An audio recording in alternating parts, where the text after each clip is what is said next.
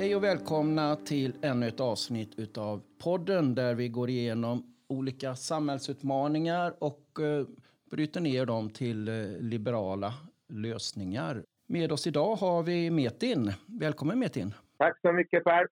Vem är du Metin? Vi börjar med det med en gång så slipper man vara nyfiken. Ja, hej, jag heter Metin Hausho och jag eh, bor i Södertälje.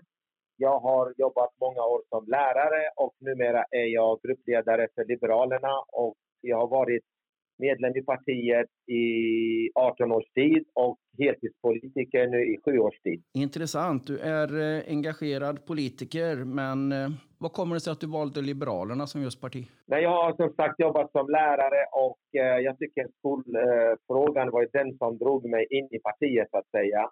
Och jag tycker att genom utbildning så får varje individ chans att eh, uppnå sina livsdrömmar oavsett bakgrund egentligen. Jag kommer ju från ett hem som eh, inte är akademiskt och jag har ju sett vilka möjligheter det finns genom att eh, erbjuda möjligheten att kunna utbilda sig även om man, om man inte kommer från akademiskt hem. Mm. Du bor i Södertälje och där har vi ju väldigt mycket av den här möjligheten att få göra en klassresa. Det är ju en stor utmaning förstår jag. Liksom. Ni är ju kända i Södertälje med att eh, ha tagit ett stort ansvar utav tidigare invandring och eh, jobbar väldigt mycket med integration. Och då är ju skolan oerhört viktig i detta för att man ska få vara med på tåget och kunna göra den här resan.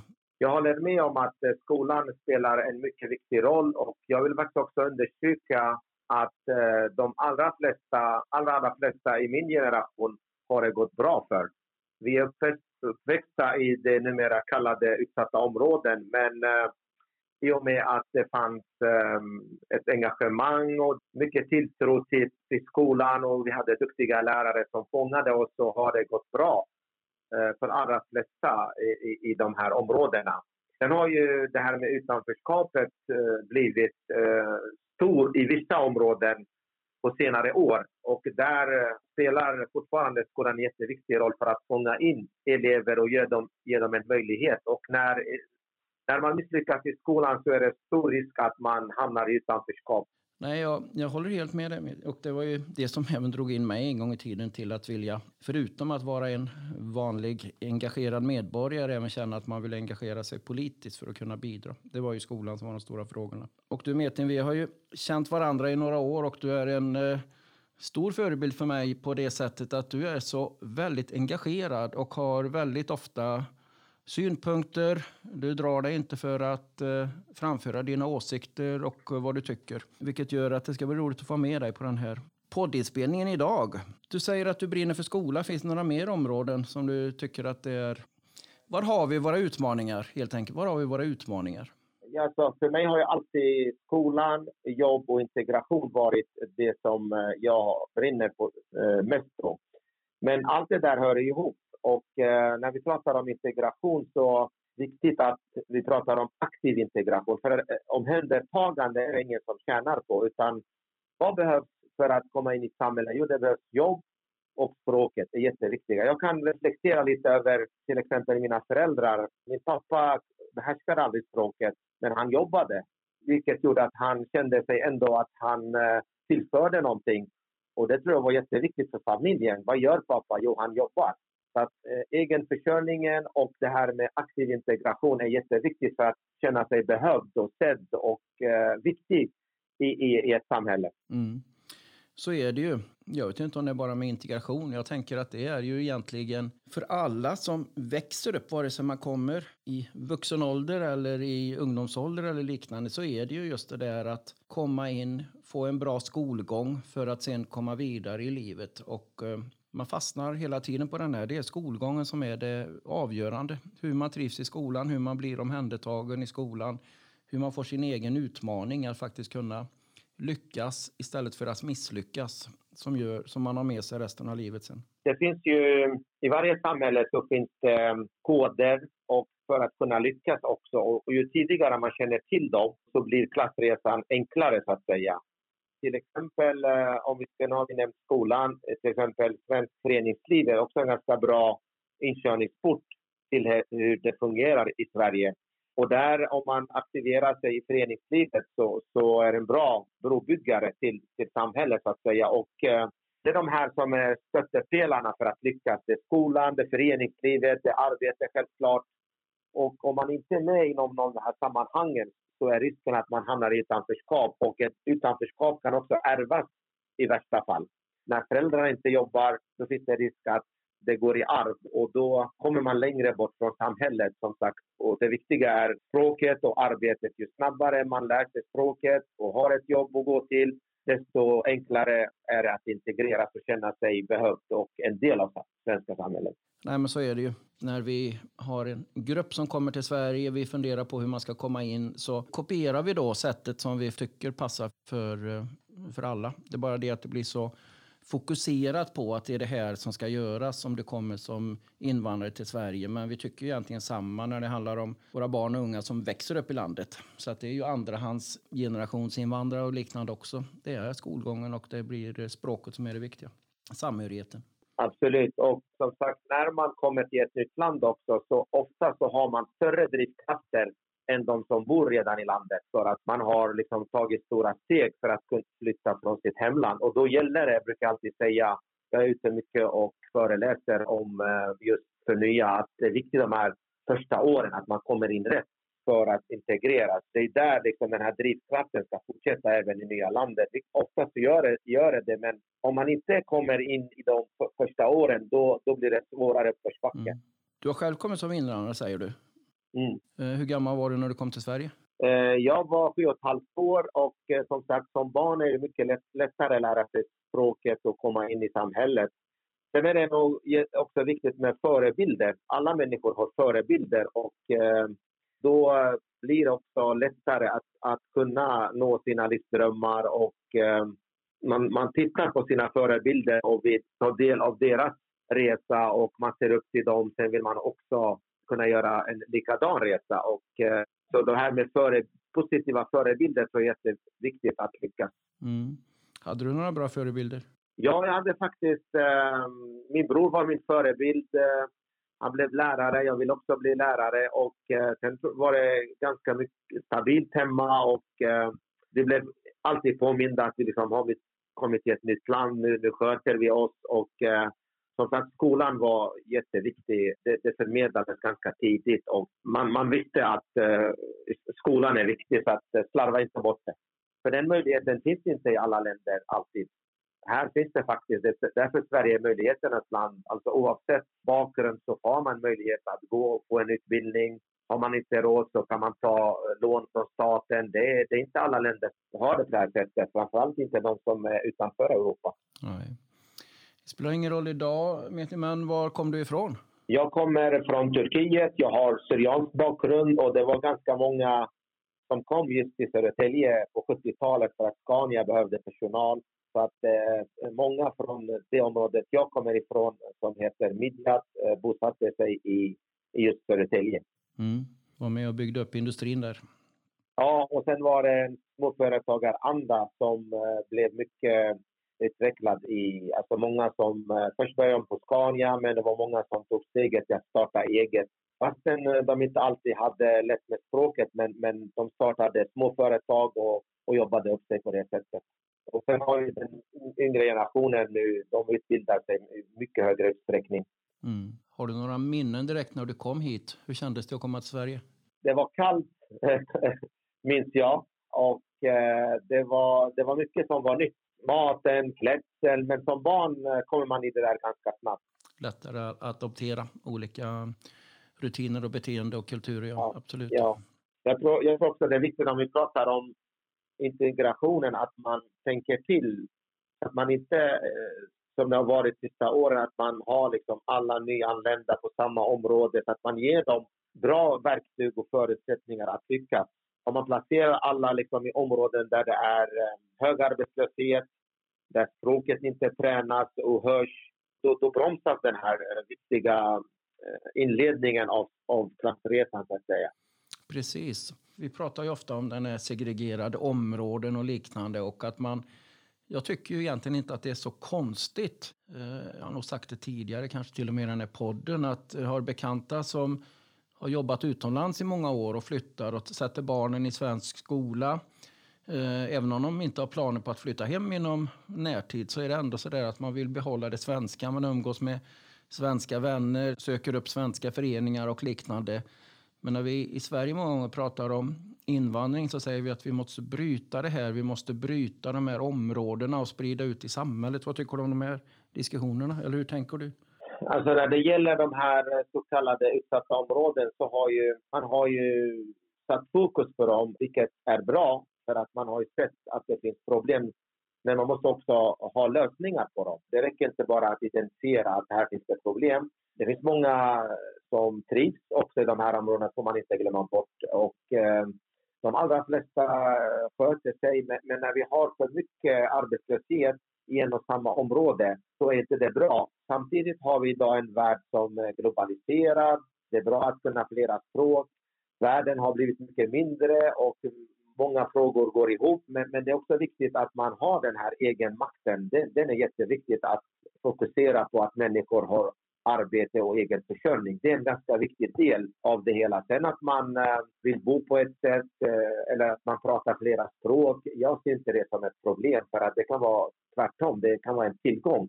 Men att, att man eh, bidrar, att man har ett jobb att gå till, Eh, det, det är viktiga faktorer för att känna sig eh, delaktig i samhället och för att, eh, liksom, så att utanförskapet inte etsar sig fast.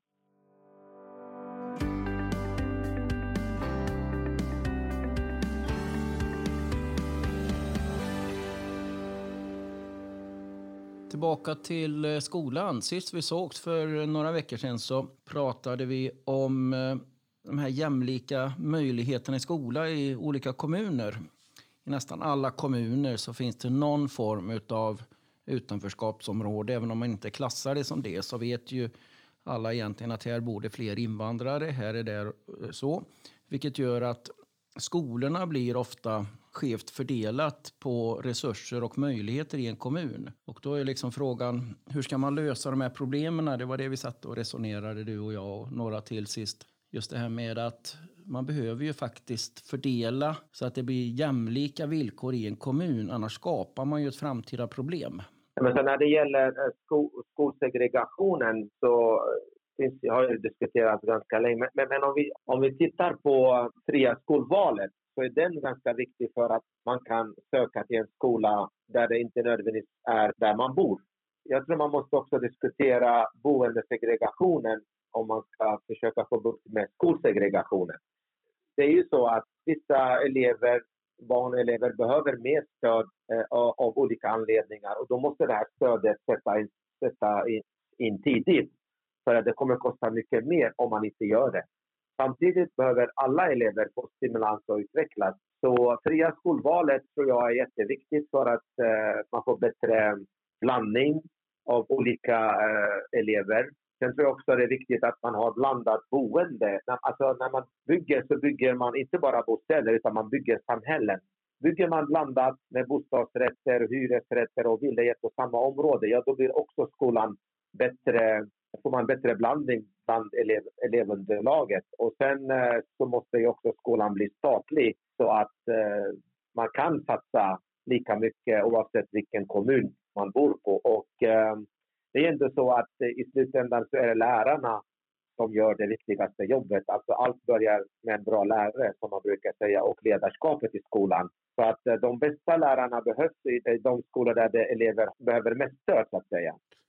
Eh, du nämnde just det där med att eh, skolan behöver förstatligas för att få jämna resurser. Vad, vad tänkte du på där? Jag är gärna med i den diskussionen också lite grann, för jag tycker också detta, att det är jätteviktigt. Nej, men att det ska inte bero på var man bor eh, som ska avgöra hur mycket man satsar på den skolan. Så att, och, och eh, så det här systemet nu att vi har 290 olika kommuner som satsar olika. Och för att få, få bukt med li, likvärdigheten så måste man, det ska inte bero på liksom varje kommuns ekonomi utan, utan där måste vi ha en, ett förstatligande så att man kan säkerställa att de här satsningarna kommer till varje eh, elev. Eh, både de som behöver extra mycket stöd men också de som behöver stimuleras och utvecklas. Och eh, det viktiga är eh, läraryrket som sagt.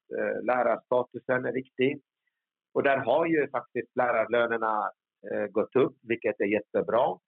Sen är det andra benet kvar med arbetsmiljön, att man ska kunna orka vara lärare och eh, det är ändå Sveriges viktigaste yrke. Så att vi får fler elever som blir godkända, som kommer in på gymnasiet och som kan studera vidare och, eller, och få ett jobb. Så att satsningarna måste komma mycket tidigare och det måste vara mycket mer likvärdigt. Om vi går tillbaka till de här tre så är det ju faktiskt den här arbetsmiljön som du pratar om både för elever och lärare att det, den måste ju vara bättre än vad den är idag. Tyvärr stöter jag ju på, och det gör ju du också, allt för många lärare som ibland inte vågar ingripa. Många elever liksom, de eh, gör bus, de eh, hittar på olika grejer av olika slag. Mer eller mindre medvetet så händer det ju grejer, men lärarna vet ju vilka det är som man är sådär lite tveksamma till att ingripa mot, för man vet att då får jag ett problem. Då får jag en anmälan mot mig. Jag får föräldrar som ringer och gnäller och eh, protesterar mot att jag har betett mig illa mot deras barn och liknande. Där måste vi ju stärka upp lärarens roll så mycket mer i Sverige än vad vi har idag. Det ska aldrig finnas en tvekan om att man har rätt som lärare att ingripa för en bättre arbetsmiljö i skolan. Mm. Vad är det vi brukar säga att eh, svenska föräldrar är världsbäst på att klaga på skolan. Och där, där, där tror jag att det är viktigt att... Eh, men det handlar också om att lärarna skapar en relation. Man måste skapa en relation med eleverna men också med, med föräldrarna så att man får den här statusen. Och det handlar också om, om ledarskapet. Sen har vi de här elever som behöver särskilda insatser, särskilda resurser. Och allt det här ska ju funka eh, så att det inte blir bara eh, läraren som ska ta tag i alla de här bitarna. Vi har någonting i Södertälje som vi kallar för tvålärarskap till exempel. Jag tror mycket på det för att när man har två lärare i klassrummet så, så frigör man resurser så att man kan fullfölja ett bra ledarskap med kunskap och arbetsro där man kan också hjälpa både de som är, eh, ligger lite efter men de som också är duktiga så att man får möjlighet att kunna utöva det viktiga ledarskapet i klassrummet så att resurserna inte går till att eh, administrera eller bara ta hand om konflikter utan man måste vara där liksom redan i ett tidigt stadie och liksom visa ett ledarskap så att man kan skapa kunskap och arbetsro i, klassrum, i klassrummet som, e-, som elever egentligen som, som behöver stöd behöver det mest. Mm. Och sen lärarlönerna som du sa, när jag började engagera mig en gång i tiden så var det ju väldigt mycket prat om hur lärarlönerna har halkat ner i, eh, jämfört med övriga yrkesgrupper. Och eh, det har ju faktiskt lyckats på att eh, vända den här trenden och jag är övertygad om att mycket är tack vare de här speciallärartjänsterna och de här extra lönetilläggen på vissa lärare som ska ta ett större ansvar. Det har ju sin tur drivit upp lönerna för alla vi är ju sådana i Sverige. Ser vi någon som tjänar mer så vill vi göra det också, vilket gör att eh, de här eh, löneförhandlingarna har ju faktiskt drivits på mer och mer och eh, lönerna har kommit upp senare år. Det är inte färdigt än, men de har ju kommit upp. Det är ju jättebra att det belönas för lärare. Absolut, och eh, som, som vi nämnde eh, tidigare så är de här två pelarna, arbetsmiljön och lönerna, viktiga för att eh, höja läraryrkets status. Och eh, när det gäller lärarlöner, jag vet inte hur det ser ut hos er, men här i Stockholms län så är det bra löner numera. Alltså ingångslöner, vi pratar om 40 000 på mellanstadiet, eh, nästan 40 000 i lågstadiet. Så det är inte dåligt. Det har, det har höjts, vilket är bra och, lärarna förtjänar höga löner. Sen finns det mer kvar att göra när det gäller eh, arbetsmiljön så att man eh, kan eh, få arbetsro i klassrummet vilket är viktigt både för, för elever men också för lärarna för att kunna göra ett bra jobb. Mm. Det ska ju inte vara som att man tar en trisslott och så har man tur eller otur och vinner någonting. Utan nu har det ju faktiskt beroende på var jag, vilken kommun jag föds eller var mina föräldrar bor som spelar roll hur mycket resurser det finns för mig när jag ska gå i skolan. Eftersom, precis som du sa så har vi ju då många kommuner i Sverige och ekonomin ser olika ut i varje kommun. Och det är ju grundförutsättningen. Liksom hur mycket pengar har man att fördela på skolan beroende på hur mycket pengar det ser ut i den kommunen jag bor i när jag är yngre. Och nästa är ju hur har politikerna fördelat tårtan i min kommun? Tycker man att till exempel idrott, eh, kultur, som är viktiga saker, men man tycker att det är jätteviktigt för att det är eh, politiskt eh, bra. Man vinner val på att ge mycket pengar till idrottsföreningar och liknande. Då får skolan mindre.